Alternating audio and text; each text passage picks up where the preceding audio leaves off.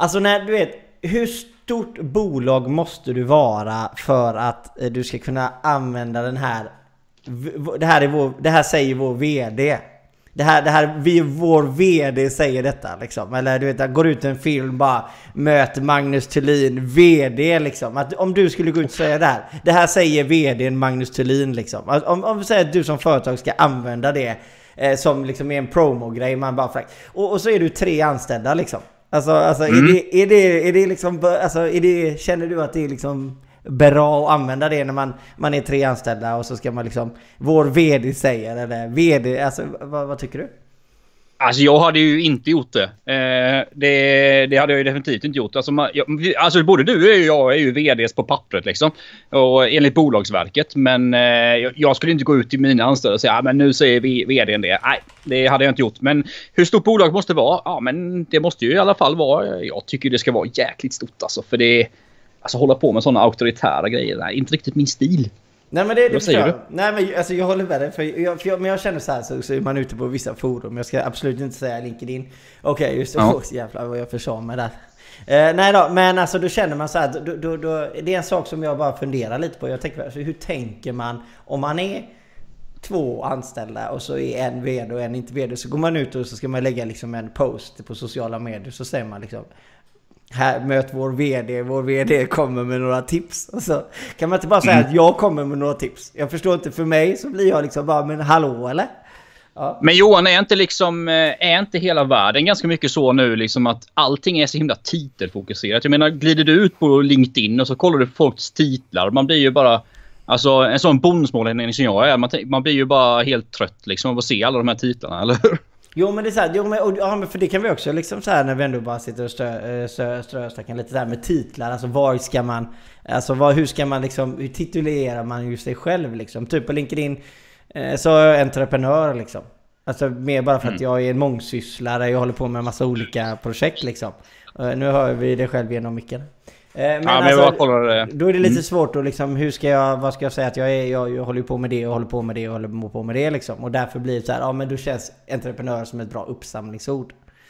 Jag vet inte. Det är, Ja. det är görsvårt liksom. Ska man titulera sig som typ säljare liksom? Det är man ju med liksom. Om du är entreprenör liksom. Du måste ju sälja. Alltså jag brukar, säga, jag brukar säga att jag är företagare typ. Liksom. Eller entreprenör. Ja. Ja, är du, jag, jag, jag, tycker inte det, jag tycker inte det är så noga liksom. Eller elektriker. Ja, jag är ju inte elektriker, men du är ju det. Ja, men, eh, jag är hade- elektriker. Alltså jag hade ju gärna varit en elektriker för det är grymt bra. Alltså man är, det, är en, det är en stor tillgång att vara elektriker kan jag ju säga. Jag är ju sån eh, hobbyelektriker så, så fort du behöver fixa någonting med elen på jobbet eller hemma då, då kör jag igång vet du. Men eh, det har ju gått illa några gånger också kan jag ju säga. Jag är en Ja. svagströmmare eller vad, vad jag säger med Johan. Ja, svagströmmare. Ja. Det är helt okej med att vara svag- svagströmmare. Eh, vi ska ju börja med... Eh, eh, så, så rättare sagt, vi sköt ner då de som kallar sig... Som använder VD när de är små då. Vi, vi, eh, vi tycker det är olämpligt. Magnus? Ja, då får vi väl tycka det. Ja, det tycker vi det. Eh, Sen är alltså den absolut största nyheten vi har denna veckan. Det är ju det här racket som jag håller upp här. Paddelracket. Det är den absolut största nyheten. Aktörspodden, team Aktörspodden i paddel. Det är två team som Aktörspodden har lagt eh, eh, till sin eh, bokhylla. Nej, inte bokhylla. Vad ska man säga Magnus? Jag hittar inte orden. Till sitt ja, lag. På sin hylla. På sin hylla kanske. Helt underbart. Det är görroligt. Magnus, gillar du paddel? Alltså jag, jag har ju bara provat padel en gång. Det var riktigt skoj. Jag har ju varit en, jag är från Växjö från början. Du vet, Växjö är en supertennisstad. Så jag har spelat mycket tennis i mina dagar. Men eh, jag har provat padel en gång och eh, alltså, det var ju riktigt skoj. Så eh, ja, jag, jag, jag utmanar Moder Johan här och nu. Ja men det är lugnt. Det, det ska bli skitskoj att spela lite padel när det kommer faktiskt. Du, en liten detalj, en liten Ja. detalj innan vi drar igång Ja. här bara. Ja. Eh, jag ser inte dig på video bara så du vet. Jag tror du har satt, glömt att sätta igång din video så att jag ser den. Eh, men annars tycker jag vi, vi drar igång va? Ja ja. Eh, Ska, ska jag ta det här Tony? Eh, eh, jätteroligt. Eh, Tony tycker vi ser proffsigt ut. Han tycker vi låter grymt bra. Eller ljudet låter bra. Så det var väldigt roligt. Eh, men vi kickar alla lite igång med första topicen kan man säga. Och den första topicen är den topicen som kommer vara eh, kanske ganska eh, hårdast nästan kan jag tycka med. Det är ju alltså lön till ungdomar. Det som kommer ut nu, nu att eh, Stockholm och Göteborgs kommun går ut och snackar om att de ska fortfarande betala ut ungdomar eh, lön fast de inte gör någonting. Eh, och då börjar jag lite med känslan där. Eh, vad, vad, vad, vad är första intrycket? Magnus, när du såg det? Alltså det första intrycket jag, när jag läste det kändes det lite, ja men det här är ju lite dumt alltså. Eh, med tanke på den krisen vi har och skattebetalarnas pengar och sådär. Jag tror att det handlade om det. Var det inte så att de som hade skrivit på anställningskontrakt eller något sånt där. Var det inte, var det inte på det sättet eller? Ja, så var det. Ja, absolut. Mm. Mm. Och, eh, men alltså som läget är just nu. Alltså jag tycker ju det är väldigt bra att ungdomar får arbete liksom på sommaren. Och då tycker jag inte det bästa är att de kanske liksom tjänar pengar i sig. Det bästa är ju att folk får liksom arbete och praktisera. Eh, för, eh, ja, för att praktisera inför livet så att säga. Så ja, jag vet inte. Det, det, som läget är just nu med, med skattepengarna så är jag inte helt förtjust i det måste jag ju säga. Ja, men jag, jag tycker det är bedrövligt alltså. alltså. Om jag ska vara riktigt ärlig liksom. Jag menar vi körde en snabb uträkning. Vi sa att det var 500 styckna och det var 13,5 miljoner. Vi räknade väldigt, väldigt låg, på väldigt, väldigt låga siffror. Och då tänker jag så här liksom, och så går de ut med liksom, om vi har skrivit avtal med dig och du eh, kan inte komma och jobba så då får du vara hemma och vi betalar dig. Okej visst, jag förstår avtalsmässigt. Eh, sen kommer vi in i en diskussion om eh, Eh, FM. Eh, och det vet kan säkert Magnus förklara vad FM betyder. Force. Force majeure. Yes, mycket bra. Ja. Mycket bra. Lite ja. franskt över hela. Ja, ja det, man, man, måste ju veta var det här stammar ifrån vet du. Ja, men så är det. Eh. Men alltså att, att den här situationen är så eh, spektabel så att, eller eh, utordinär eller vad säger man? Ja. Eh, att, extraordinär. Att, extraordinär. Att man tycker att du borde kunna liksom tillämpa det då istället för avtalet. Och så hade jag en diskussion med en i min eh, Facebook-kanal som tyckte att eh, nu kan du inte tillämpa det längre. Eh, och, och medan jag tycker att vadå, du kan ju fortfarande tillämpa det. Det kommer ju nya saker med det här varje dag. Eh, vi får ny information och vi ska, hur vi ska förhålla oss till detta. Det är högst aktuellt där. Och det är ju en juridisk fråga. Eh, och vi sa punkt, det var en jättetrevlig gentleman som, som vi diskuterade. Vi hade bara olika åsikter och han var eh, hur bra som helst att prata med. Men det hade ju fått, det hade fått gå till rättegång då, så se vem som hade vunnit liksom. För att vi kan, det går liksom, det går, man kan sitta och diskutera någonting hur länge som helst. Men ingen av oss hade ju fått rätt förrän rätten hade bestämt det liksom. Men du, vad är det för typ av sommarjobb? Vad är det för tjänster och sådär? Vad är det för arbeten? Nej, men alla typer av eh, tjänster som kommunen har, tror jag. Det, det stod ja. inte exakt specifikt. Men, så här, men i min värld då, liksom, om, om jag menar, ska du få betalt? Eh, om en företagare skulle betala någon. Jag menar, okej, okay, vi säger att du inte kan komma ut på eh, sjukhusen. Vi säger att du ska vara någon underlättande där. Vi säger att du får någon sommarjobb med någon fastighetsskötare på sjukhuset. Säger vi liksom. Det kan man ju få liksom. Man hjälper till att städa och lite sånt där som ungdom. Eh, och, eh, och du får inte vara där då. Men då tänker jag, men vad fan, då, då är det bara att hoppa ut och hjälpa att städa gatorna då liksom. Eller vad som helst. Ja men det menar, det finns väl mängder att göra. Jag menar alla städer har ju behov. Det är väldigt många städer som är i behov av att och liksom gatorna behöver vara rena och prydliga liksom. Så det är väl inga konstigheter. Det är väl, eh, det är väl bara att hjälpa till i parker och rabatter och gator och sånt där. Eller? Mm, ja men vad som helst. Eller jag menar hur svårt, hur svårt kan det vara om de ändå ska ta emot ungdomarna? Tjenare Jimmy! Eh, roligt att ha dig här. Eh, jo men jag håller med dig. Jag tycker det är... Alltså jag vet inte. Det är någonting som här brinner lite i mig när man tänker liksom... Det är, så, det är så onödigt. Och sen när man går ut... Jag förstår att man försvarar det liksom. Jag fattar ju det liksom. Men jag, jag tänker liksom kommunen kan ju vara ganska svåra att göra med som vi båda vet. Eh, när, alltså om man, om man säger om man är företagare och du kommer i kläm med kommunen. Så då är det inte så lätt. Uh, nej, så är det ju. Nu är inte jag, mitt bolag är inte så, uh, har ju inte så mycket tillstånd och så genom kommunen och sådär. Men jag vet att många lokala företagare har ju extremt många miljötillstånd och uh, ja, utskänkningstillstånd och ja, vad det nu kan vara. Och det är inte alltid det lättaste och roligaste att göra med kommunen. Dessutom kostar det ganska mycket så det är oftast en extra skatt som företagarna får betala dessutom. Ja men så är det ju, absolut. Men alltså vad, vad, men, men bottom line, givetvis så finns det ju alltid lite regler och det ena och det andra och man kan du vet, flippa saker och ting lite som man vill. Men på något sätt så måste det ändå vara så att ett sunt förnuft. Och jag menar man, man betalar ju för att få en tjänst utförd eller ett arbete utfört. Får man inte arbetet utfört då betalar man inte. Alltså det, det är lite vad jag ser, ser på det liksom. Jag vet inte vad... Ja. Alltså jag håller med dig. Alltså jag är ju sån här, jag är ju den stora försvararen av skattekronan. Liksom. Det är, och speciellt i en sån här kris. Alltså man måste spara med varenda skattekrona. Det är ju jätteviktigt. Men alltså är det ju, det, jag tycker ändå att det är lite svår fråga. För jag menar, det är ju så att ungdomarna har säkert räknat på de här pengarna. Men det är alltså ändå, de måste ju utföra någonting. Men jag tycker att kommunerna borde ju kunna hitta på några arbetsuppgifter för de här ungdomarna. Herregud. Det finns väl staket som ska målas, det, ska, det finns väl gräsmattor som ska klippas och det finns rabatter som ska rensas. Liksom. Ja, ja, nej men eh, precis. Mm. Ja, jag håller med dig. Vi, eh, vi, eh, vi gör ett sånt stort eh, nedåt-tecken åt eh, kommunen där. Ja, Boo. ja, vi dömde ut dem. Eh, vi går över på aktieutdelningar. Du, Mm. la ut en, du la ut ett inlägg igår tror jag. Ja, jag lägger ut en hel del inlägg, inlägg om detta ju. Nej men så du får, eh, Ja. du får ta det där. Eh, ja, men min ståndpunkt har ju varit från första början liksom att eh, med tanke på min extremt liberala inställning till marknaden så är det ju, har är ju min inställning liksom att eh, tar man emot bidrag från eh, kommun, stat eller vad det kan vara som det är just nu så ska man inte göra aktieutdelningar. Det är, det är egentligen min eh, grundhållning och jag, jag viker inte på den en sekund, det vet du ju. Ja men så är det. Men eh, ja precis. Men du, du ja, precis för det har varit lite diskussioner. Du och jag också har haft diskussioner tror jag i... eh, Jag tror att det var våran podd va? Vi diskuterade Mm. detta lite grann. Men, men eh, ja precis. Men om vi, om vi benar ut det lite för just det här med aktieutdelningarna det har ju... När vi, pratar vi börsnoterade företag eller pratar vi alla företag i hela Sverige? Väl du?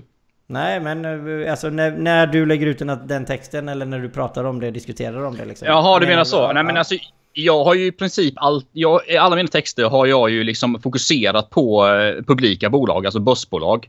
Eh, jag har ju pratat en del om, eh, om eh, ja, Volvo, Scania och några andra bolag. Liksom. Och, så det, min primära är ju liksom de här bolagen som har gått väldigt bra på börsen de senaste 10-15 år sedan.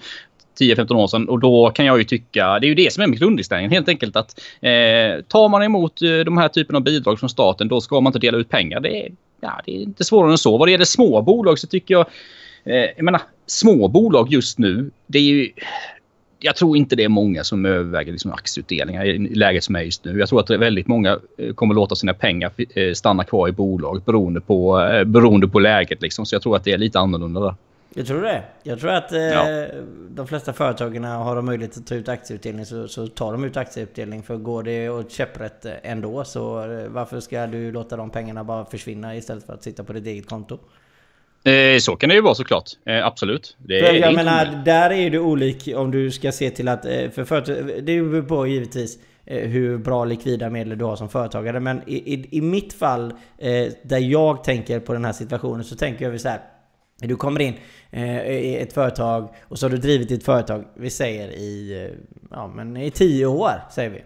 Om man säger du har ändå jobbat upp till en högkonjunktur och du kanske inte har gått så himla riktigt bra någon gång men nu i slutet så har det gått bra. Och så förra året var ditt absolut bästa år som du någonsin har haft till exempel. Och så då ska du då inte ta en utdelning för att det är en kris. Eh, givetvis beror det på hur dåligt du går just nu givetvis. Det finns ju alltid lite parametrar men eh, som sagt nu, nu diskuterar vi från den eh, bilden som jag ger. Och då säger jag ju att varför ska du inte ta en aktieutdelning har du möjlighet för om marknaden väl bara helt bara dör så kommer det inte spela någon roll om du har eh, eh, om du omsätter 10 miljoner och du har en miljon till på banken. Liksom. De pengarna försvinns direkt precis. ändå. Alltså, alltså grejen är vad det gäller den här frågan. Man kan ju dra den här fram och tillbaka hur många vändor som helst. Men det är ju så att anledningen till att frågan kommer upp det är ju för att eh, ingreppet från staten mot bolag är ju ganska starkt nu. Och, vilket kan vara bra i många fall då att, man, att, att staten då går in och hjälper till. Men det är ju så att vi får ju de här diskussionerna på grund av det. Liksom. Och eh, både du och jag tror jag har varit inne på ganska mycket vad det gäller att man kanske hade velat ha andra jag hade nog för, föredragit om man hade dragit ner skatterna rejält för bolag, alltså nästan i princip allt. Eh, för då hade det varit en, det hade, det hade gynnat den, den, liksom, den, eh, den fria marknaden mer än att gå in med den typen av åtgärder man gör nu. Men nu är det ju ändå så att jag sitter ju inte på all data som regering och riksdag gör. Eh, de ser en annan data kanske än vad, vad jag eller vi gör. Så de eh, ser väl att det är nödvändigt liksom, för att rädda det svenska näringslivet helt enkelt. Ja men det är gött. Jimmy han håller med mig Magnus. Alltså det, det, Oh. alltså, alltså jag... Alltså det, det, det, nej, jätte, det är bra, underbart att se dig Jimmy givetvis. Och när du säger sådana saker, hur kan man inte hålla med? Nej men i alla fall, men eh, det, det är lite, om vi, om vi spinner lite vidare på den då, så jag menar för eh, det finns ju även småföretagare som, eh, som tidigare har använt aktieutdelning som sin enda löneinkomst. Eh, och därför är det Ja, ju- schablon, schablon då menar du? Okej. Ja precis, men vi Mm. behöver inte gå in i exakta detaljer men det, det finns ju företag, de har ju använt, eh, alltså man tar ut kanske en liten lön bara för skattereglerna har ju ändrats lite. Men, men eh, för man använder aktieutdelningen som sin, som sin lön. Eh, hade man då tagit bort eh, om, om du inte får någon hjälp. Men vad är det för hjälp vi pratar om när vi säger eh, att företag inte ska få ta emot någon hjälp? Menar du all hjälp som finns? För det finns ju mycket hjälp som helt plötsligt kommer och du, inte, alltså du, du fyller bara i dina uppgifter på eh, blanketterna och skickar in det och så får du hjälp, automatisk stöd i dagens läge med typ arbetsgivaravgifter och sådana grejer.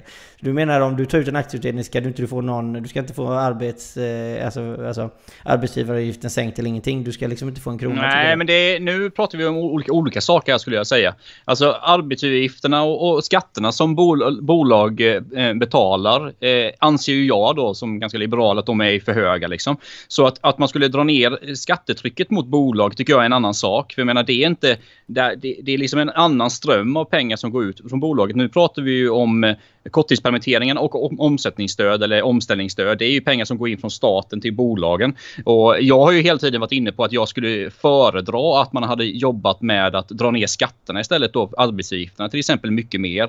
Eller och kanske under längre tid och kanske redan att man har gett tillbaka kanske från januari, februari kanske till och med då för att skapa likviditet hos bolagen. Eh, jag gillar ju den rent ideologiskt mer liksom men eh, ja visst det är ju, ja det kan ju diskuteras fram och tillbaka. Vi har i Magnus kanal Hanna som säger hej. Så vi säger hej till Hanna. Och så har vi Anders som säger Kan det inte vara så att företagen har anställda och de genererar så att företagsägaren kan ta tillräckligt utdelning i form av aktieutdelning istället för lön?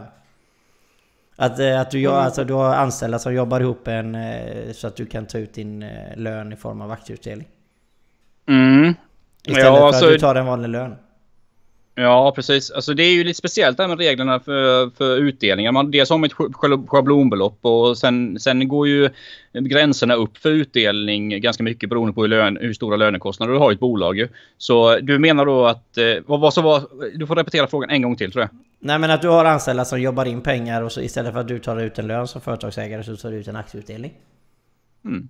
Ja, det kan man ju göra. På, du, men du, ja visst. Det, finns ju nya, det finns ju dock nya regler som gör att du måste ha komma upp i en viss lönenivå för att du ska kunna ta ut en aktieutdelning. Det kommer ju nu... Ja. ja. Men generellt sett så absolut så, så teoretiskt sett så gjorde man ju så förut. Så därav så kan du slå otroligt hårt eh, mot vissa typer av bolag. Jag menar vad tjänar du? Du tjänar någon enstaka procent eh, gör du va? Om du tar aktieutdelning och du räknar ut över skatterna istället. Så det är inga jättestora... Eh, alltså, du, ja, du, tjänar ju, du tjänar ju mer än någon procent. Du tjänar ändå en 10-15 procent tror jag på det ungefär. Så det, det är ju ändå en del. Alltså, om ja, du har ju fortfarande... För, företaget betalar ju fortfarande skatt från sin sida.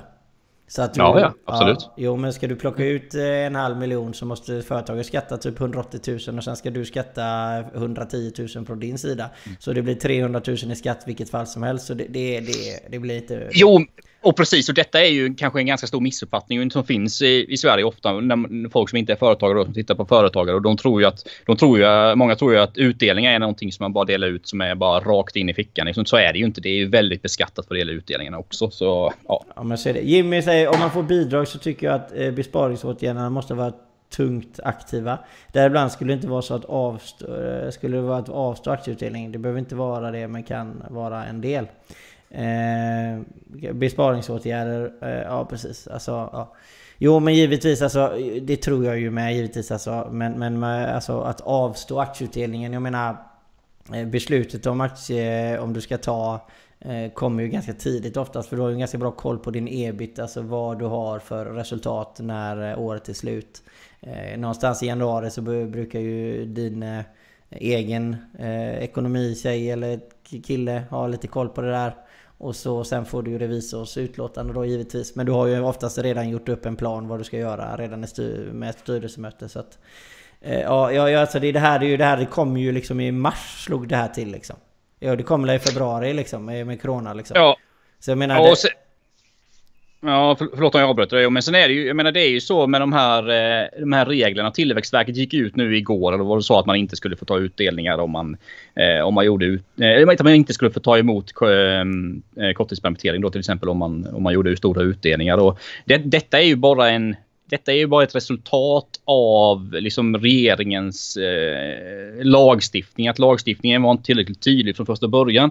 Eh, och eh, det är ju, jag kan tycka att det är ganska olyckligt. liksom, att vi håller på att... Ja, innan fick man det, nu får man inte. Vad är det som gäller? Jag menar, lagstiftningen ska vara tydlig, men det är väl liksom ett resultat av att det går ruggigt snabbt just nu antagligen. Ja, precis. Sen tänkte Tony säger, kan man, kan, kommer man bli straffad och inte få hjälp om man inte tagit ut sin aktieutdelning under många år. Vad tror ni om det? Att du, bygger, du, bygger, du bygger ju upp en uttagnings... Ja, ja. Alltså du får ju lägga upp en buffert. För er som inte är företagare så är det så att Eh, vi säger att Magnus, vi tar Magnus som exempel, han kör företag. Han, han, får ett plusresultat i, många, många år. Eh, så han bygger upp en uttagningsgräns som han kan ta ut eh, eftersom reglerna är som de är nu. Så han kanske kan ta ut en miljon, men han gör inte det. Och sen eh, så kursar bolaget så får du inte ta ut en spänn. Mm. Så är det ju. Så att, ja, ja. Ja men precis. Så, eh, det är precis som du säger. Alltså, om man driver, säg att jag har drivit bolag då i 10, 11, 12 år och sånt där.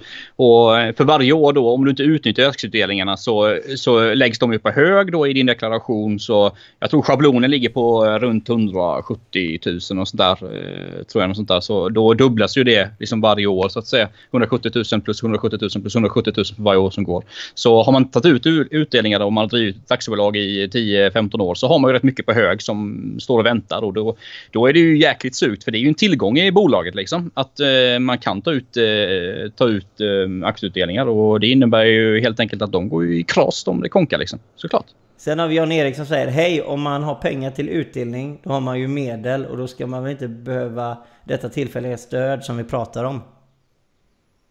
Nej, men det, det, det, är ju, Eh, det, det, är ju lite så jag är inne på detta. Liksom. Och eh, det, det, här kan man ju också som sagt diskutera fram och tillbaka liksom, eh, i oändlighet.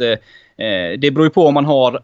Alltså, de st väldigt stora bolagen, typ eh, Volvo och sådana då, de pratar ju om att de har liksom, det är den operativa kassan som är, som är problem. Sen har de en stor kassa med mycket pengar. Och de menar ju då att ja, den operativa kassan, den verksamheten som är just nu, den har gått ner jättemycket och därför behöver vi ta emot stöd. Då, liksom. och så kanske inte ett litet bolag jobbar. Liksom. Vi, vi har ju ofta en kassa medan de jättebolagen har ju en operativ kassa och sen, sen en kassa med en massa mer pengar pengar för sämre tider så att säga. Jo men givetvis så är det så. Men självklart så, så finns det ju en poäng i det Jan-Erik säger. Självklart så eh, har du ett plusresultat eh, så påverkar ju det, det likvida i, i, längden. Sen, sen behöver inte det vara... Eh, alltså alla som driver företag vet ju att bara för att jag har en tre plus månader i rad så betyder inte det att jag kommer ha mer likvida medel just nu. Eh, på sikt så kommer ju de pengarna jobbas in och komma in i fakturor och när allting löser sig. Och då kommer du veta, oftast när du stannar av verksamheten, då flyger de likvida medlen upp. Till exempel under semester och sådana här grejer. Då flyger kontot upp för då är det ingen som köper saker och det ena och det andra. Då, då flyger grejen upp. Eh, så givetvis så det behöver ju inte vara så bara för att du gått ett plusresultat i, 2019 och så kommer du in i 2020 att de likvida medlen helt plötsligt kommer att ha undfunnit sig i januari. Eh, men mm. teoretiskt sett så eh, på pappret, eh, på resultatmässigt då, så ska de ju ha gjort det. Men de, likvidbudgeten är ju inte riktigt samma som resultatbudget. Eller resultatet rättare sagt. Så det är ju lite, det är ju lite skillnad där och diffar, diffar ju lite. Men oavsett så, så är jag ju en... Alltså, det beror på också vad vi pratar om. De, de stora bolagen som plockar ut eh, Alltså, du vet, när vi, vi pratar ju ofta om miljardvinster och sånt här. Och tänker man shit, människor bara shit, det är en miljard liksom sådär va. Men alltså hur mycket omsätter, omsätter bolaget? Hur många alltså, procent är det de gör i förtjänst? Alltså oftast är det ju inga stora procent liksom. Det är bara för att de omsätter mycket pengar liksom. Så att jag vet inte, jag tycker det är så här. Alltså den här diskussionen så här, oh shit de har en miljard i omsättning eller tar ut en miljard liksom i, i eh, där. Men de har ju sämre vinstprocent än vad, vad du och jag kanske. Alltså liksom. Absolut. Jag menar, det, det, det ska man ju inte stirra sig blind på. Jag menar, de bolagen som vi har inne och snackat om här, det är ju, det är ju bolag som säljer eller omsätter miljarder, miljarder här liksom. Så det, bara för att man har en vinst på ett belopp, det, man måste ju kolla det liksom gentemot omsättningen liksom och beroende på vad de har för marginaler. Det är precis som du säger, men ett litet bolag kan ju ha mycket bättre marginaler än ett storbolag liksom. Såklart. Men alltså det som du pratar om, det är hempermitteringarna först som du tycker att om du tar ut aktieutdelning så får du inga hem, hempermitteringar. Det har varit din ingångsvinkel i det hela. Ja, med tanke på att permitteringarna har funnits ett, ett bra tag nu liksom, och det är väl om jag har satt mig in i det, det jag har skrivit om ganska mycket så tycker jag, det är ju min grundtanke liksom. Men jag, alltså jag är ju så liksom generellt. Jag tycker liksom inte att eh, om, om man tar emot en eh, massa bidrag då, då, då, eh, då blir det inga utdelningar liksom. Det är inte mer med det. För mig är det så liksom. Ja. Så du med, jo, jo, men precis. Men som företagare så är ju 2000, alltså 2019 är ju punkt. När, när det går över till 2020 då är, då, är, då, då är det ett blankt papper. Det brukar man ju alltid säga. Alltså varje Absolut. år blir ett blankt papper liksom. Då är ju inte det ett blankt papper då. För då, ska du ta, då tar du in tillgångarna eh, i 2020 istället då. Alltså det gör du på ett eller annat ja, sätt men det, också. Ja men det är ju, alltså, jag, det är ju ett blankt, det är ju ett blankt papper. Ja, det är klart. Om vi säger då att 2020 är ett blankt papper nu då. Eh, då innebär ju det helt enkelt att... Eh, då, det, menar det blanka är ju att man inte tar emot bidrag från staten. För det är ju inget normalt. Det, det, så är det ju inte på en liberal marknad, eller hur? Nej men det är det inte. Men, nej, absolut nej. inte. Men samtidigt så är vi bland de högst beskattade i, i hela världen. Precis Johan, och det var därför jag var inne på det här. Du vet att jag tycker att det bästa hade varit om man hade jobbat med skatterna istället. Sänka skatterna rejält för bolag eller plocka bort skatterna nästan fullständigt 2020 liksom. Jo men nu lever vi ju absolut och det, den åsikten kan man ju ha. Om man, om man, det, det beror ju på oftast vad man är. Är man inte företagare så tycker man ju företagarna kanske ska bli skattade hårdare. Och är man företagare så tycker man fan vad mycket skatt liksom.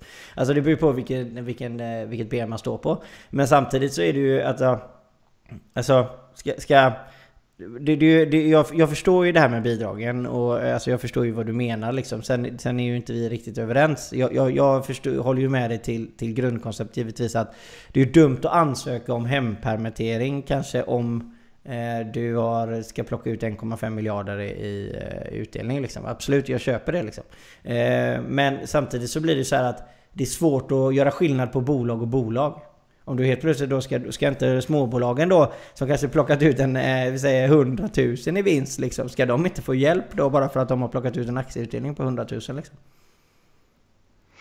Nej men det, det, är ju som sagt, jag menar, det är ju så att det, anledningen till att det finns väldigt mycket liksom olika åsikter om de här bitarna, det är ju helt enkelt för att vi är inte vana vid de här ingreppen på marknaden liksom, och de ingreppen som, som antagligen måste ske nu för att rädda det svenska näringslivet. Liksom.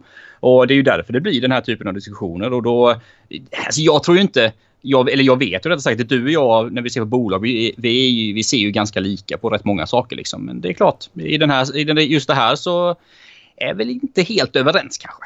Nej, ska vi säga, Hanna skriver, kommer arbetsgivare få korttidsarbetsstöd när arbetstagaren har semester under juni? Intjänad semester har arbetstagaren och korttidsarbete 40% nu.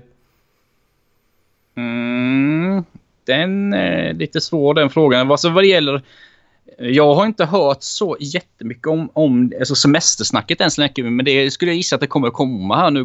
Det kommer att börja diskuteras ganska mycket från både partier och media och opinionsbildare och sånt här.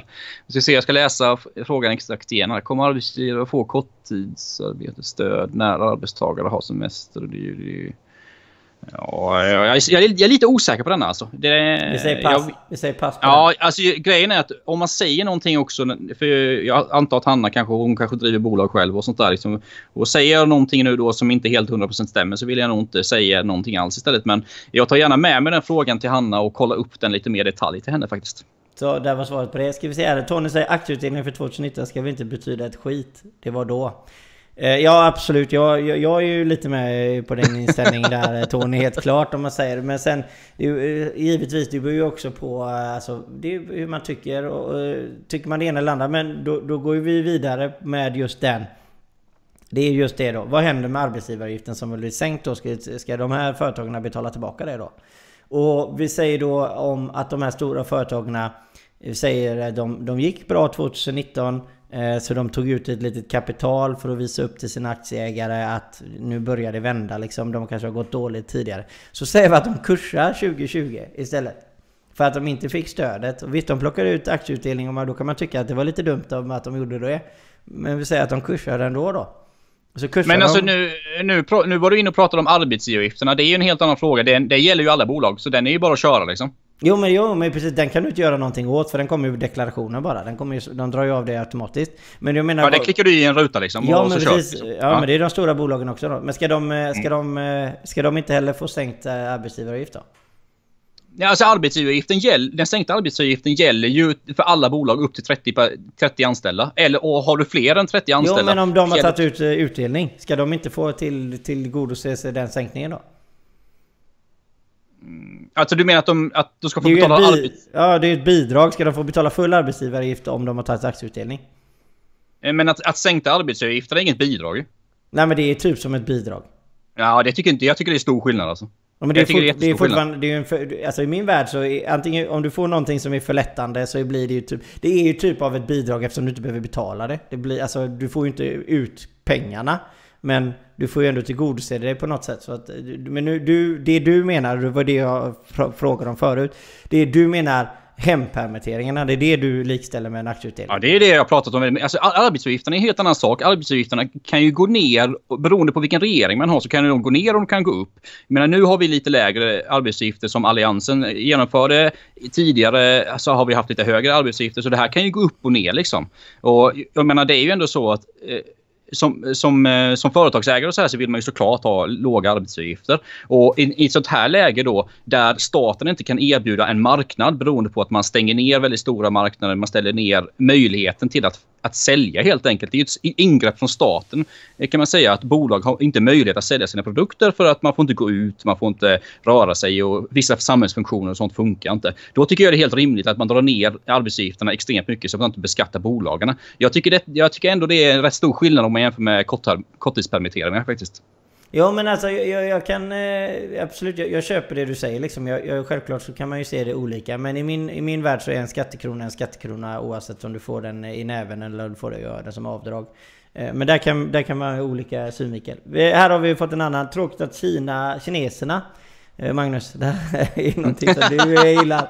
Tråkigt att kineserna har fått så stor makt över svenskt näringsliv nu de kontrollerar Volvo som är en av Sveriges absolut största bolag och störst, eh, störst, eh, störst till antalet anställda.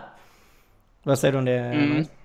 Ja, eh, ja, alltså man kan ju ha olika åsikter om detta. Så det är ju så att eh, vi har ju en, en fri marknad i världen, eller delvis fri, fri marknad i världen där Kina är en del.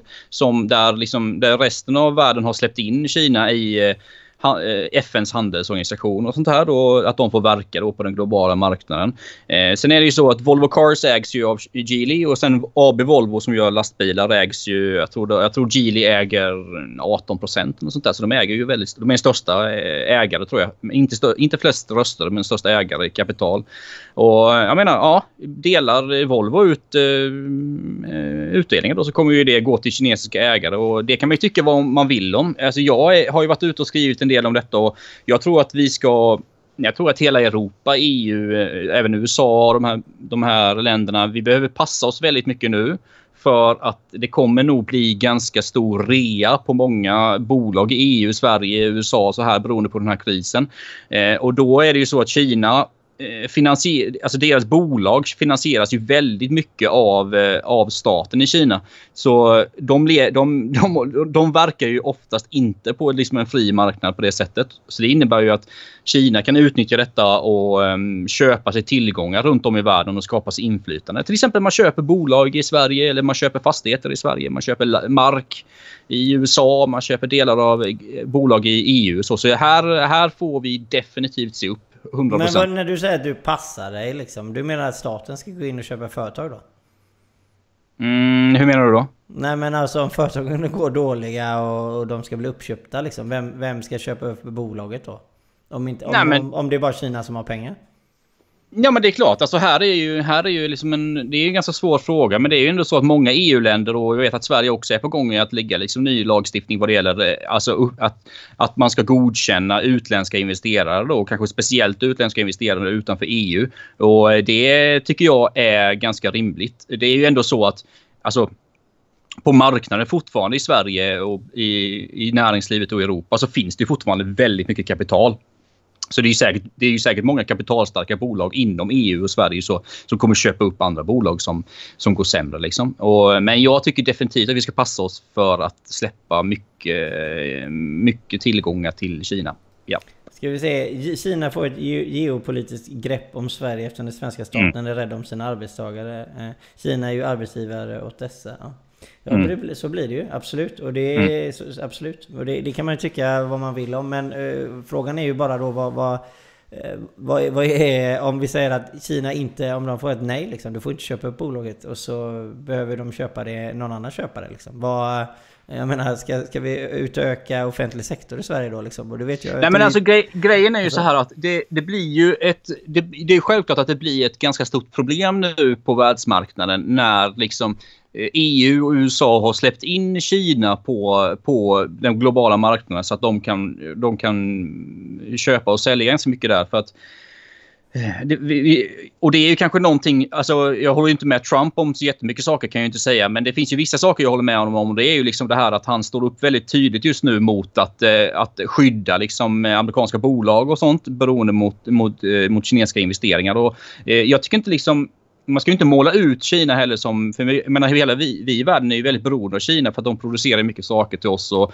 så det finns ju positiva saker också. Men jag, jag tycker verkligen att eh, man, måste, man måste verkligen passa sig. Och nu kommer jag inte ihåg riktigt vad frågan var. Men eh, ja, så var det. Ja, men, jo, jo, men du gillar ju hållbarhet. Om man säger. Sådär. Mm. Cirkel. Ja, cirkel. Ja, just det. Ja, med gröna när, löv ja, och precis. sånt där också. Ja, precis. Ja. Och så, typ, och så ska det närproducerat och sånt. Ja, närproducerat. Så, så du gillar inte Kina där heller?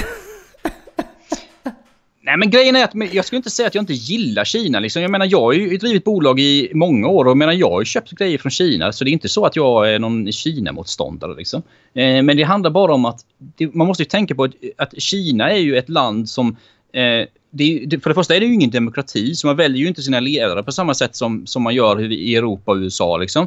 Eh, och då är det ju ändå så att eh, man måste ha, det gör ju att jag har en viss skeptis, liksom, skepsis mot, eh, mot Kina. Och speciellt nu med pengar från Kina som görs investeringar i Europa. Liksom. Och det, eh, jag tror inte att det handlar bara om att det handlar om geopolitik. Liksom, att man vill skapa sig inflytande på alla andra kontinenter. Det handlar inte bara om att man vill ha äga ett bolag i Sverige som ska göra vinst. Liksom. Jag tror inte det handlar bara om det. Det handlar om andra saker också. Det finns liksom näringslivet i Kina och staten i Kina är ju väldigt nära kopplade. Medan i Sverige och Europa då så är ju näringslivet näringslivet och, och, politiken och staten är ju, är ju väldigt, står ju väldigt långt ifrån varandra. Liksom, vilket är bra, vilket så ska det ju vara på en fri marknad. Liksom.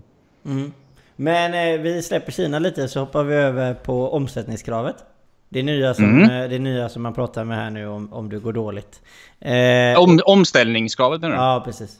Yes. Omställningsbidraget rättare sagt. Precis. Eh, jag tycker omsättningskrav eller omsättningsbidrag eller vad du... Ja, vi, ja, vi kallar det... Det låter liksom. roligare eller vad? Eh, men ja. Eh, du, du har ju helt rätt där. Vad, vad, vad... Det är upp till, vad är det, 30? Om du har tappat 30% i omsättning? Ja, det börjar ju där, ja precis. Och sen, men då är det ju bara 30% och så då täcker man bara upp de fasta utgifterna. Mm. Till en viss Fasta kostnader, precis. Mm. Till en ja, viss ja, del. Visst. Eh, Eh, det finns ju lite olika uträkningar på, på det där faktiskt. Eh, men det, det, det börjar ju så att säga... Och rent praktiskt hur det här funkar då, det är ju egentligen så att det, detta gäller ju bolag då som, det är inte helt, helt nystartat bolag får inte tillgång till detta för då har man inte rapporterat från förra året sina, liksom, eh, sin försäljning till Skatteverket när man gör deklarationen.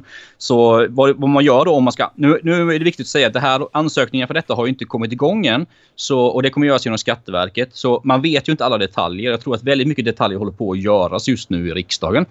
Men vad jag har uppfattat än så länge det är ju så här att kommer, man kommer ju då jämföra till exempel då eh, mars och april från 2019 och så jämför man det med 2020. Så du som företagare då, du kommer kanske då om några veckor eller någon månad gå in på Skatteverket, rapportera din försäljning eh, och jämföra detta då med föregående år. Och har detta gått ner då med 30% eller mer så kommer man ha, ha möjlighet att få, få, ehm, eh få ett omställningsstöd. Man kan, jag vet inte vad man ska kalla det. Man, man kan få pengar, cash från eh, staten helt enkelt. Liksom. Men eh, gäller det om du har tagit ut aktieutdelning då? Eh, ingen aning. Ingen nej, aning. Nej men alltså, förstår, ska, förstår ska, ska det gälla då? Om du... Nej men alltså... Nej jag tycker... Ja, nej nej absolut inte. Absolut inte. Så att du, det, all, inte. allting gäller bara om du har... Eh, även om du har gått plus förra året så får bara du inte tar ut pengarna. Så... Ja men Ja men kolla här. Kolla här. Alltså om man rapporterar en eh, minskning av... Eh, säg att man rapporterar en omsättningsminskning på 50-60 procent. Om man säger att man, eh, säger att man eh, visar Skatteverket det om några månader man gör ansökningen. Och sen i samband med det ska göra utdelningar till ägarna. Liksom det är... Men utdelningen har ju redan skett. Eller de sker ju nu. Ja, eller Ja, har skett. Det beror ju på hur snabba, snabbt Ja, det är sig sant. Det beror ju på när utdelningen har skett såklart. Det beror ju på lite på när man har haft bolagsstämma och sånt här. Det är såklart, det, så är det ju liksom. Ja det, men du, du måste ju det- vänta två månader måste du vänta. Så det är januari, februari. Ja. Så är du tidigt på det så har du redan gjort den i, i mars liksom. Mm. Ja, det, ja, precis. Det, är ju, det beror ju på vissa, vissa bolag. Stora bolag kanske har dem lite senare. Jag vet att Volvo skulle ha det i juni och sådär. Så det, det, är- alltså det, det här kommer att bli knivigt. Absolut. Det kommer att bli väldigt knivigt. Men så, så vi säger så att om du vet, eh, du, du liksom har backat. Vi säger att du är ett litet företag. Så har du backat eh, alltså 1,2 miljoner i omsättning liksom. Eh, i, och, och mellan i mars och april då. Och så tog du en aktieutdelning på 100 000 förra året. Eh, för det gjorde du, det gjorde du eh, liksom sådär. Och eh, de 100 000 mot 1,2 miljoner det är liksom... Det blir ganska Men du menar, att du, skulle, du menar att du skulle tagit den här aktieutdelningen då i typ februari när du inte visste att det skulle bli en kris då typ, tänker du eller? Nej men om, om, du, om du har plockat den nu då? Säger vi. Alltså i april då. Ja. Men Ja. jag menar om du har haft, om du har haft en nedgång på din omsättning på eh, säg 50, 60, 70 procent. Menar, kommer, tror du många bolag plocka omsättning nu då? Eller pl- pl- plocka utdelning nu då? Nej men alltså om du inte, till- till- att du inte litar på att eh, du kommer få någon hjälp överhuvudtaget så då kan du lika gärna kursa. Så du, om du kursar så kursar du men då kan du lika gärna ha 100 000 på din privata bank istället. Ja, ja, så är det. Så är det. Så är det. Så men du, Men alltså, det, men- det här, men det det är- här. Ja, jag vet. Ja. Det, det, alltså Johan, vi kan ju diskutera detta in i oändligheten. Men det är ju ändå så att min grundinställning är liksom, tar du emot bidrag, då, då, får, du inte, då får du inte göra utdelningar. Ja. Nej. Gamla synder som aktieutdelning 2019 tror eh, någon på att bolaget blir mindre trampat? Ja precis. Jo men det, det är ju precis så, det, är det vi har diskuterat eh, ganska omgående nu kan man säga. Eh, men... Eh, Men du, eh, vi, vi tar lite till om det där omställningsstödet bara. Yes. Eh, jag sa ju där innan, och det börjar ju då på om din omsättning. Jag tror det kan vara viktigt att säga då till alla företagare där ute. För det, jag tror det är många som sitter i riktig knipa. Alltså. Så jag vill förtydliga lite. Det börjar då om din omsättning har gått ner med, med 30% eller mer. då. Så har du gått ner 40% eller 50% så har du möjlighet att få mera pengar för att täcka dina fasta kostnader då från staten. Och detta gäller du då i mars och april. Eh, min spontana känsla, eh, magkänsla säger att det här kommer förlängas. Eh, det vet vi ingenting om nu, men jag skulle gissa att det kommer göra det. För jag tror att det kommer behövas göra det. För det är så pass många bolag som som kanske inte var i kris i mars till exempel, men som kommer komma i kris, som vi har pratat om innan Johan, som kommer komma nu. Liksom både nu och de närmaste månaderna. Liksom. Så ja, min, mitt stalltips är att det kommer förlängas, men det vet vi ingenting om just nu. Nej precis. Nej, men sen är det ju eh, alltså lite också hur mycket pengar det rör sig om. Alltså det vet ju ingen förrän väl äh, ansökningar börjar komma in liksom. Och sen är det ju inte Nej. så här, det, sen är det beror det på då vad, vad som gäller med äh, det här med aktieutdelningarna och ju väldigt stor påverkan liksom. Eh, vad, vad som kommer gälla. Så ska vi se. Eh, tror ni in, Investor kommer mo, mota stöd men att dela ut fast eh, som extradelning längre fram? Investor var ett exempel. Alltså tror de att ett företag kommer liksom ta emot stödet och så gör de en eh, extra utdelning senare under året? Eh, det, in, det tror jag inte för att eh, det kommer ju vara så här att eh, de pratar ju redan nu om att företag ska bli återbetalningsskyldiga. Eh, och eh, så länge man har den eh, aspekten med i det hela så kommer du inte kunna göra någonting. Du kommer vara helt låst 2020. Du kommer inte kunna ta ut en krona om du har tagit emot stöd. För då kommer du behöva betala tillbaka det och det kommer vara stenhård koll på det om det väl kommer bli så. Så att nej, du kommer inte kunna göra en extra aktieutdelning under året eh, 2020. Men sen är det ju det är ju liksom, det är också svårt. Jag menar, om man tar ett bolag som Investor eller om vi kan ta någon annat liksom, bolag som är ett investerarbolag liksom, som, som är delägare eller ägare i väldigt, väldigt många andra bolag, organisationsnummer. Liksom, då, Alltså den är, det här är, detta är knivigt alltså. Det, och det blir så här när, när, när det kommer såna här liksom jag, jag har sagt det många gånger nu och återupprepade ingrepp liksom på den fria marknaden. Liksom det, är- det kommer bli ruggigt knivigt med regler och lagstiftning eller detta. Alltså. Det är inget snack om saken. Nej, men jag, jag kan inte säga, precis, vi kan ju inte säga till 100% men jag kan det kommer nog garanterat bli knivigt för ett investerbolag att plocka ut pengar om de har tagit emot stöd. Även, även om deras alltså, underföretag har gjort det. Eller om de är moderbolag då så att säga. Eh, Det, det tror jag. Det är min eh, och helst om man går om, om det blir så här nu eftersom eh, vet Tillväxtverket har ju redan nekat nu ju efter nya möten. Men, men man vet ju inte riktigt om det här kommer gälla Jag tror inte det kommer gälla mindre, mindre aktiebolag. Alltså jag tror inte det. Under 30 anställda. Jag tror inte det kommer gälla dem överhuvudtaget. Utan jag tror att du kommer säkert få ut stöd ändå. Det, det är vad jag tror. För det rör sig om så lite pengar. Utan det är de stora. Det återstår att se helt enkelt. Ja precis, Jajamän. Mm. Eh, men vad säger du om omsättnings eh, där? Är du, känner du, eh, är, har vi tagit det tillräckligt? Ja, men det tycker jag absolut. Och jag, jag, måste ändå säga det. Jag menar, jag tycker ändå det är bra. Sverige är ju ändå så. Vi ligger ju i toppen på ganska mycket saker i Sverige vad det gäller eh, låg statsskuld och, och de bitar höga skatter också för den delen. Men ja, det är ju ändå så att Sverige med den situationen som Sverige är i och eh, med de finans, statsfinanserna som Sverige har så har vi ju råd att göra detta. Och jag menar, jag tycker definitivt att staten måste göra mycket för att rädda svenska bolag. Absolut. För jag menar, vi har ju snackat om arbetslösheten innan Johan. Alltså priset för att inte rädda bolagen kommer bli oändligt mycket större än eh, om man inte gör det så att säga. Ja precis. Nej men så är det ju. Alltså blir det en konkurs och det är kostnader för till och med alltså det blir dominoeffekt och fler företag går mm. till vippen liksom. Så att det, mm. det är också känsligt när man pratar det här aktieutdelningar och det ena och det andra så ska ta emot stöd. Inte och så säger vi att de har lite... Ja, det, det, är så, det är komplext när det kommer till företagande och vi kommer att se om det är någon riktigt stor bjässe som kommer gå ner på knäna liksom. Eh, det är fortfarande väldigt tidigt detta. Så att börjar det vända, kommer det här leva kvar länge, då kommer vi se en helt annan påverkan på marknaden än vad vi gör just nu. Det här är ju bara början liksom. Och Sverige har ju inte stängt ner, får vi inte glömma. Alltså, jag menar jämför det mot andra länder. Jämför det mot Italien där du har ett utegångsförbud liksom. Jag menar vi har ju ändå, företag, vi har ju ändå en företagsamhet här att det går fortfarande att driva företag. Och det går att hitta på nya saker och försöka göra en försäljning eller vad du nu arbetar inom. Alltså med hemleveranser och det ena och det andra liksom. Eh, det finns, Absolut. Ju, det finns ju ändå möjlighet i Sverige så vi får inte glömma att Sverige har ändå tagit den mest eh, liberala vägen i, i det här med att inte stänga liksom. Mm. Eh, tycker ni Sveriges unika hantering av Corona har varit den bästa? Ja, överlägset den bästa om du frågar mig. Jag tycker att Sverige har gjort så bra vi bara kan. Alltså, jag, alltså utan att... Alltså, företagen har blivit påverkade. Jajamän, det har de blivit hur mycket som helst. De kommer bli påverkade hur mycket som helst. Men jämför det med andra länder liksom.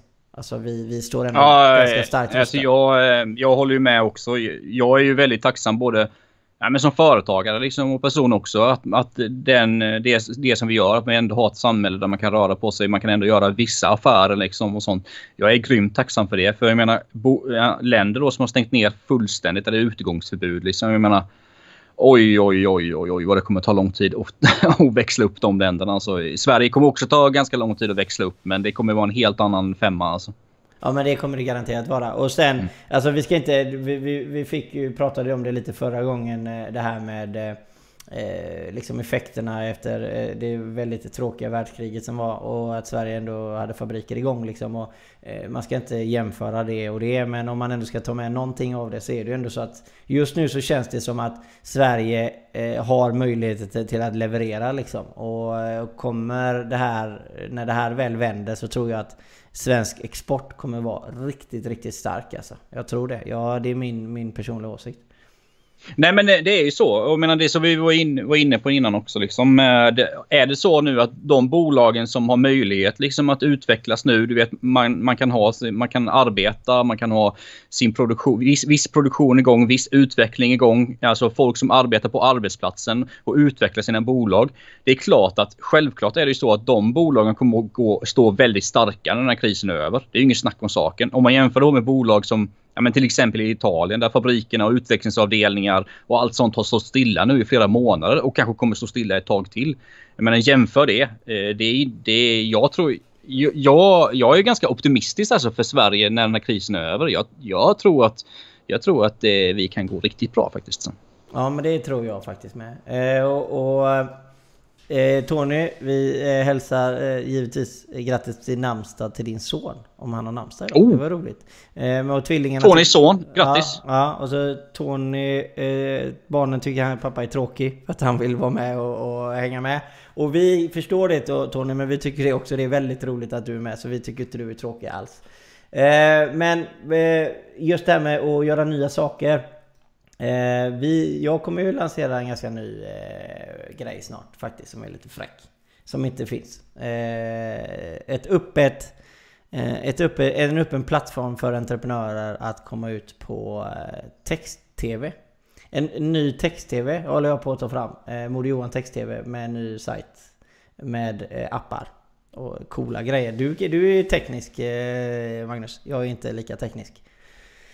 Men, Nej, men jag tycker det är riktigt ballt faktiskt. Mm, det kommer vara så att Eh, från, alltså, mycket av det vi håller på med, det jag och Magnus håller på med nu, det är ju liksom att, att inte ha massa mellanlager liksom. Att du har orden från en entreprenör eller en föreläsare eller en människa som är väldigt intressant. Att, att, och få ge dem en plattform att kunna komma ut med sitt liksom, peptalk eller tips. Och, grejer. Så det kommer inte vara liksom nyhet, nyheter utan det kommer vara utvalda människor som uppfyller en, en grymt bra funktion och som är duktiga för att förklara sig och liksom kunna ge ett värde till människor. Eh, det kommer vara olika segment och, där och de ska kunna få liksom komma ut och liksom ge, ge information. Och det kommer vara jävligt fräckt tror jag. Det kommer bli riktigt, riktigt fräckt. Ja, mycket spännande. Ja, mycket spännande, fräckt. Eh, ja. Men eh, förutom det så går vi över på konkurser.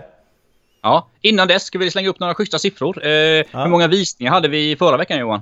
Ja, 11 000 tror jag vi hade förra veckan faktiskt totalt sett. 11 000 för den här liveshowen, det gillar jag alltså. Det är grymt roligt att höra alltså. Mm, ja, det är, det är faktiskt eh, helt eh, absurt. Får jag ändå ja. säga. Alltså, det är så himla roligt att eh, eh vi, vi, har kunnat nå ut till så många människor alltså. Det är så ja. roligt. Och jag menar hade vi haft hundra människor som hade sett oss så hade vi varit hur glada som helst för det liksom. Men jag menar 11. För grejen är ju så att vi kör ju, vi kör ju på min Facebook-kanal, vi kör på din Facebook-kanal, vi kör på Aktörspoddens Facebook-kanal, vi kör på YouTube, vi kör på Twitch, eh, vi kör på grymt många ställen. ja, vi har, vi har eh, 14 eller 13 plattformar som vi går ut på samtidigt. Så om man väl sitter ja. där så tycker man ja men det var inte så mycket folk här. Nej men det, då är det folk någon annanstans. Eh, så att det, så är det ju, absolut. Så det är skitroligt. Och det ska vi fortsätta med Magnus. Hela vägen till semestern. Nästa vecka Jajamän. så kanske vi har en eh, gäst med oss. Oh, spännande. Har du någon, eh, har du någon hint eller?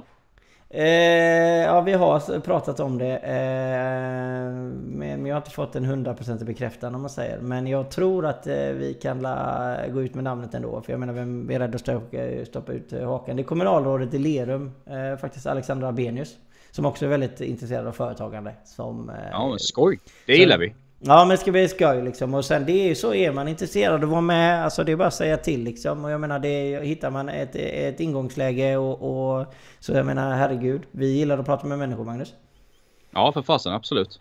Eh, konkurser, om vi hoppar över på det, det sista tio, tian då. Var, mm. nu, nu de senaste statistiken var 833 tror jag konkurser eller något sånt ungefär. Och så var det en 30% ökning eller var det ish mot förra året. Mm. Något sånt va? Eh, ja, det börjar ju bli rejält mycket ökning på konkurser nu när man kollar runt. Eh, jag var faktiskt inne på det på... Eh, lite, ja, jag har varit inne på rätt många olika sidor. Just nu har jag varit inne på UC och kollat lite på det och där är det ju inga roliga siffror. Alltså kollar man om man jämför den här månaden med förra året den här månaden, alltså då i maj. Så nej, det är, det är siffror från april förlåt. Så har det gått upp väldigt mycket konkurser. Jönköpings län ja, upp 67. Eh, Skåne 58 procent upp. Ja, det är tråkigt.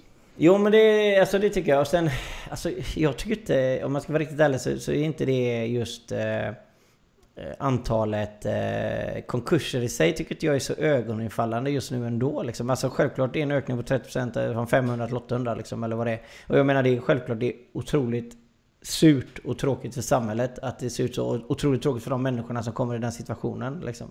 Men det, det, det är mer antalet människor som är det eh, ögoninfallande tycker jag. Liksom. Att vi har 4-5 tusen i månaden som blir av med jobbet. Liksom. Det tycker mm. jag är riktigt illa. Alltså det är mm. det jag, alltså konkurser i sig. Det är ju tråkigt alltid liksom. Men, när det blir så otroligt många människor som helt plötsligt bara, vad ska jag göra nu? Alltså den känslan. Ja, eh, och, och, det är ju liksom... Ja, det är otroligt tråkigt alltså. Och det är ju lite så med... Eh, det är ju lite så här med... Om man, vi snackade ju om korttidspermitteringarna innan. Liksom, det är ju eh, korttidspermitteringarna kommer ju till för att, för att bolagen har problem. Liksom, och är det så att bolagen ser att man kommer att ha problem under lång tid. Jag menar eh, korttidspermitteringen kommer ju inte rulla på. Jag menar det är ju så. Då kommer det komma varsel och liksom, så, så blir det ju tyvärr. Och många som kommer, kommer få sluta. Så ja, det blir hög arbetslöshet vilket är jäkligt tråkigt alltså. Tror ni Corona kan ha varit positivt ur perspektivet att det vässar till näringsliv genom att slå ut vissa svaga aktörer utan existensberättigande? Ja, men eh, det är ju alltså... Eh, ja, delvis. Jag menar, varje lågkonjunktur eh, rensar ju. Alltså det är, marknaden funkar ju så liksom. När lågkonjunkturerna kommer, då brukar ju mycket bolag rensas ut liksom. Sen är det ju tyvärr så att den här krisen är ju så himla brutal eh, som vi inte har sett innan. Så då, då kan det ju komma ganska mycket andra bolag liksom, på köpet inom citat liksom. Som kanske, in, som, som kanske ändå skulle vara livskraftiga om vi inte hade haft någon, eh, någon, eh, någon coronakris. Liksom. Så både ja och nej skulle jag säga på den frågan. Ja precis, jo men så är det ju. Jo men självklart så är det väldigt, väldigt mycket företag som försvinner som inte borde finnas på marknaden. Absolut. Det är... Som sagt, det finns ju ingen företagsskola i Sverige liksom. Du behöver inte ha ett företagskörkort liksom. Utan det är en öppen marknad. Det betyder att vem som helst kan starta ett företag. Men sen är det också så här att vem som helst borde inte heller starta företag. Så är det ju. Eh, man vet ju inte, du vet ju inte det förrän du väl har startat bolaget själv om att eh, du kommer lyckas och det går bra för dig. Eh, så att jag menar självklart så, så i en sån här situation så försvinner ju ännu mer företag. Till och med duktiga företagare försvinner ju liksom. Så det är klart att de företagen som överlever det här, de, de kommer ju självklart stå starkare på marknaden än vad de gjorde innan med tanke på att de har mindre konkurrens. Men troligtvis så har de ju ändå gjort någonting bra och då, då kan det även bli problem senare för att när man ska öppna upp och det kan vara svårt att ta tillbaka marknadsandelar för företag som har försvunnit och kanske vill starta upp igen till exempel. För att de här mm. företagen är, är väldigt duktiga på det de gör. Liksom. Så att absolut. Eh. Och jag menar, vi har ju varit inne på det någon gång i någon annan podd tror jag. Liksom, vad det gäller det här med, som du sa där precis. Jag menar alla är ju inte företagare liksom. Och Eh, det är inte så att entreprenörer växer på träd. Och eh, det är ju ändå så att blir det många konkurser och även bolag som är livskraftiga. Liksom, det är ju inte bara så att, att, att vara med om en konkurs för en entreprenör. Det är ju stenhårt. Liksom, både mm, alltså in, personligen också. Liksom. Så det är inte så när, när, när saker och ting blir bättre att den här entreprenören bara är jättetaggad. Bara nu kör vi igen. Liksom. Det, det är mm, som sagt, entreprenörer växer inte på träd. Liksom. Ja, men säg, vad har hänt om staten gjorde ingenting? Fråga Tony. Om staten inte hade gjort någonting så hade det gått väldigt illa tror jag. Ehm, det har vi sett historiskt eh, under eh, the Great Depression i USA på 20-talet. Nu är det ju, det är ju 100 år sedan så det är svårt att jämföra. Liksom. Men då hade ju den amerikanska staten en väldigt tydlig liksom, marknadsliberal inställning att man inte skulle hjälpa företagen överhuvudtaget. Och, eh, det ser, såg vi hur det gick. Arbetslösheten sköt ju något fullständigt i höjden och det blev en stor depression i hela samhället. Liksom. Så nej, det tror jag inte är bra. Men vi, vi pratar ju även med stöden alltså kommer ut nya liksom, uppgifter varje dag så man får ta varje uppgift med lite nypa salt. Men SCB e kommer ut med 14% eller någonting tror jag. De pratar om arbetslösheten. Mm. Och jag menar... Det stoppar ju inte, det är ju bara en dagsväxt eh, vad de tror just nu. Jag menar fortsätter eh, coronakrisen och fortsätter coronaeffekterna på samhället så kommer ju inte det tyvärr, vi kommer ju stiga ännu högre tyvärr. Eh. Ja, det är, och det är ju så. Man hör ju ofta om det här med depression. Det finns ju ingenting som... Det finns liksom ingen ekonomisk for, formel när vi hamnar i en depression. Liksom, exakt siffror. Men man, man, brukar historiskt om man kollar så, hamnar man runt en 20-30% i arbetslöshet och mer då, då blir det ju en depression i samhället. Och det, det farliga med det här, för det är lite så här... Nu är jag absolut ingen expert på nationalekonomi, men jag kan ändå lite. Och kommer kom man upp mot en sån här 15-20% och kanske över 20% då blir det liksom ett, det blir liksom ett lite plockepinnspel i hela samhället. Liksom. Eh, köpkraft går ner eh, och investeringar går ner och då blir det väldigt svårt att ta sig upp ur den igen. Så jag tror att om vi hamnar här liksom 10-15% då är det hanterbart för att få igång det ganska fort igen. Men eh, kommer vi däremot upp mot en 20-30% då, då, då kommer det bli ruggigt tufft tror jag faktiskt att starta om. Alltså. Vad tror du om lönerna då? Vad tror du om, alltså nu när arbets, vi säger att vi, vi, vi ponerar att arbetslösheten är på 15%. Jag menar det är mycket, alltså det är, det är svårt att få tag i ett jobb liksom. Vad, vad tror, ja. du, tror du, alltså för, du vet ju att det är väldigt lätt att höja löner men det är väldigt svårt att få ner dem. Ja, men det är ju likadant där. Liksom om man pratar då bara privat liksom, och glömmer det offentliga. Liksom. Ja, det är ju ändå så att... Nu är ju Sverige lite speciellt för vi har ju, liksom, vi har ju parter med fackförbund och näringslivsrepresentanter som förhandlar lönerna. Men, men självklart, om mark, det är ju ändå så om marknaden... Är det så att bolag finns på marknaden och det finns väldigt många arbetslösa. Det finns eh, ett, väldigt många som är intresserade av just eh, en position på ett företag. Eh, då skulle jag ju säga att marknaden kommer bestämma att lönerna går ner. Liksom. Eh, så, så att din magkänsla, det är du ändå du tror att alltså den här otroliga löneutvecklingen vi har haft de senaste tio åren alltså, som är extremt hög. Får man ju ändå säga. Eh, du tror att den kommer planas, planas ut? Ja, men det tror jag liksom rent, eh, alltså rent eh, nationalekonomiskt tror jag, tror jag det. Det räcker med att liksom titta på det. För jag menar, är det så att har du väldigt låg arbetslöshet och du kan inte få tag på, för, på, eh, på anställda, liksom, då kommer ju varje person som är arbetssökande ha, stå i ett väldigt bra position att kunna höja sin lön. Liksom, för, att det, för det är svårt att hitta folk. Men är det så att det är väldigt lätt att hitta folk så då kommer ju arbetsgivaren på något sätt vara i maktposition när det gäller det. Och då, då är ju min spontana känsla att liksom, då går ju lönerna ner. Ja, det är, det är faktiskt väldigt underligt att det är så att eh, under lågkonjunktur så är det arbetsgivaren som dikterar termerna. I högkonjunktur så är det den, eh, den eh, anställda. Ja, och, det, och det, det är där man snackar lite om arbetslösheten. Liksom arbets, det ska ju alltid finnas en arbetslöshet i ett samhälle. Det låter ju skitdumt, men alltså några procent arbetslöshet i samhället är ju bra. För jag menar, folk flyttas ju alltid på arbetsmarknaden. Men det är ju där det blir problem om det blir för högt då liksom. Avslutningsord Magnus, vad känner du? Är det någonting du skulle vilja tillägga? Avslutningsord. Ja, vad har jag kört? En timme, en timme och en minut nu. Nej, men eh, alltså det är ju väldigt mycket fokus på corona Alltså, man försöker ju snacka liksom, nya ämnen och nya infallsvinklar. Men lik fasen så ramlar man tillbaka till det jäkla skitviruset. Alltså slutorden för mig är att eh, jag vill att vi ska bli av med den här skiten så vi kan börja köra som vanligt igen. Hashtag fuck corona.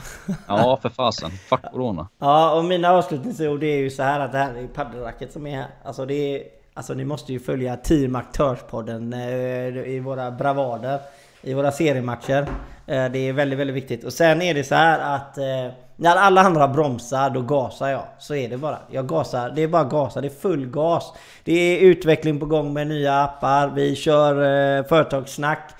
Det händer grejer runt kanalen hela tiden. Det är nya infallsvinklar och det är nya grejer liksom. Så är man intresserad av att vara med i kanalen och hänga med på olika grejer så är det bara att vara med, kommentera så, och påtala, visa, visa mig att ni är intresserade så, så finns ju alltid alla möjligheter liksom. Jag menar, jag och Magnus, eh, vi, vi är vana att träffa människor liksom. Så vi, vi har inga problem att ta med lite folk i, i, eh, i det här eh, formatet heller liksom. Absolut. Eh, Tony säger grymt jobbat. Ni håller bra ställning trots att ni kan eh, se att ni tycker olika.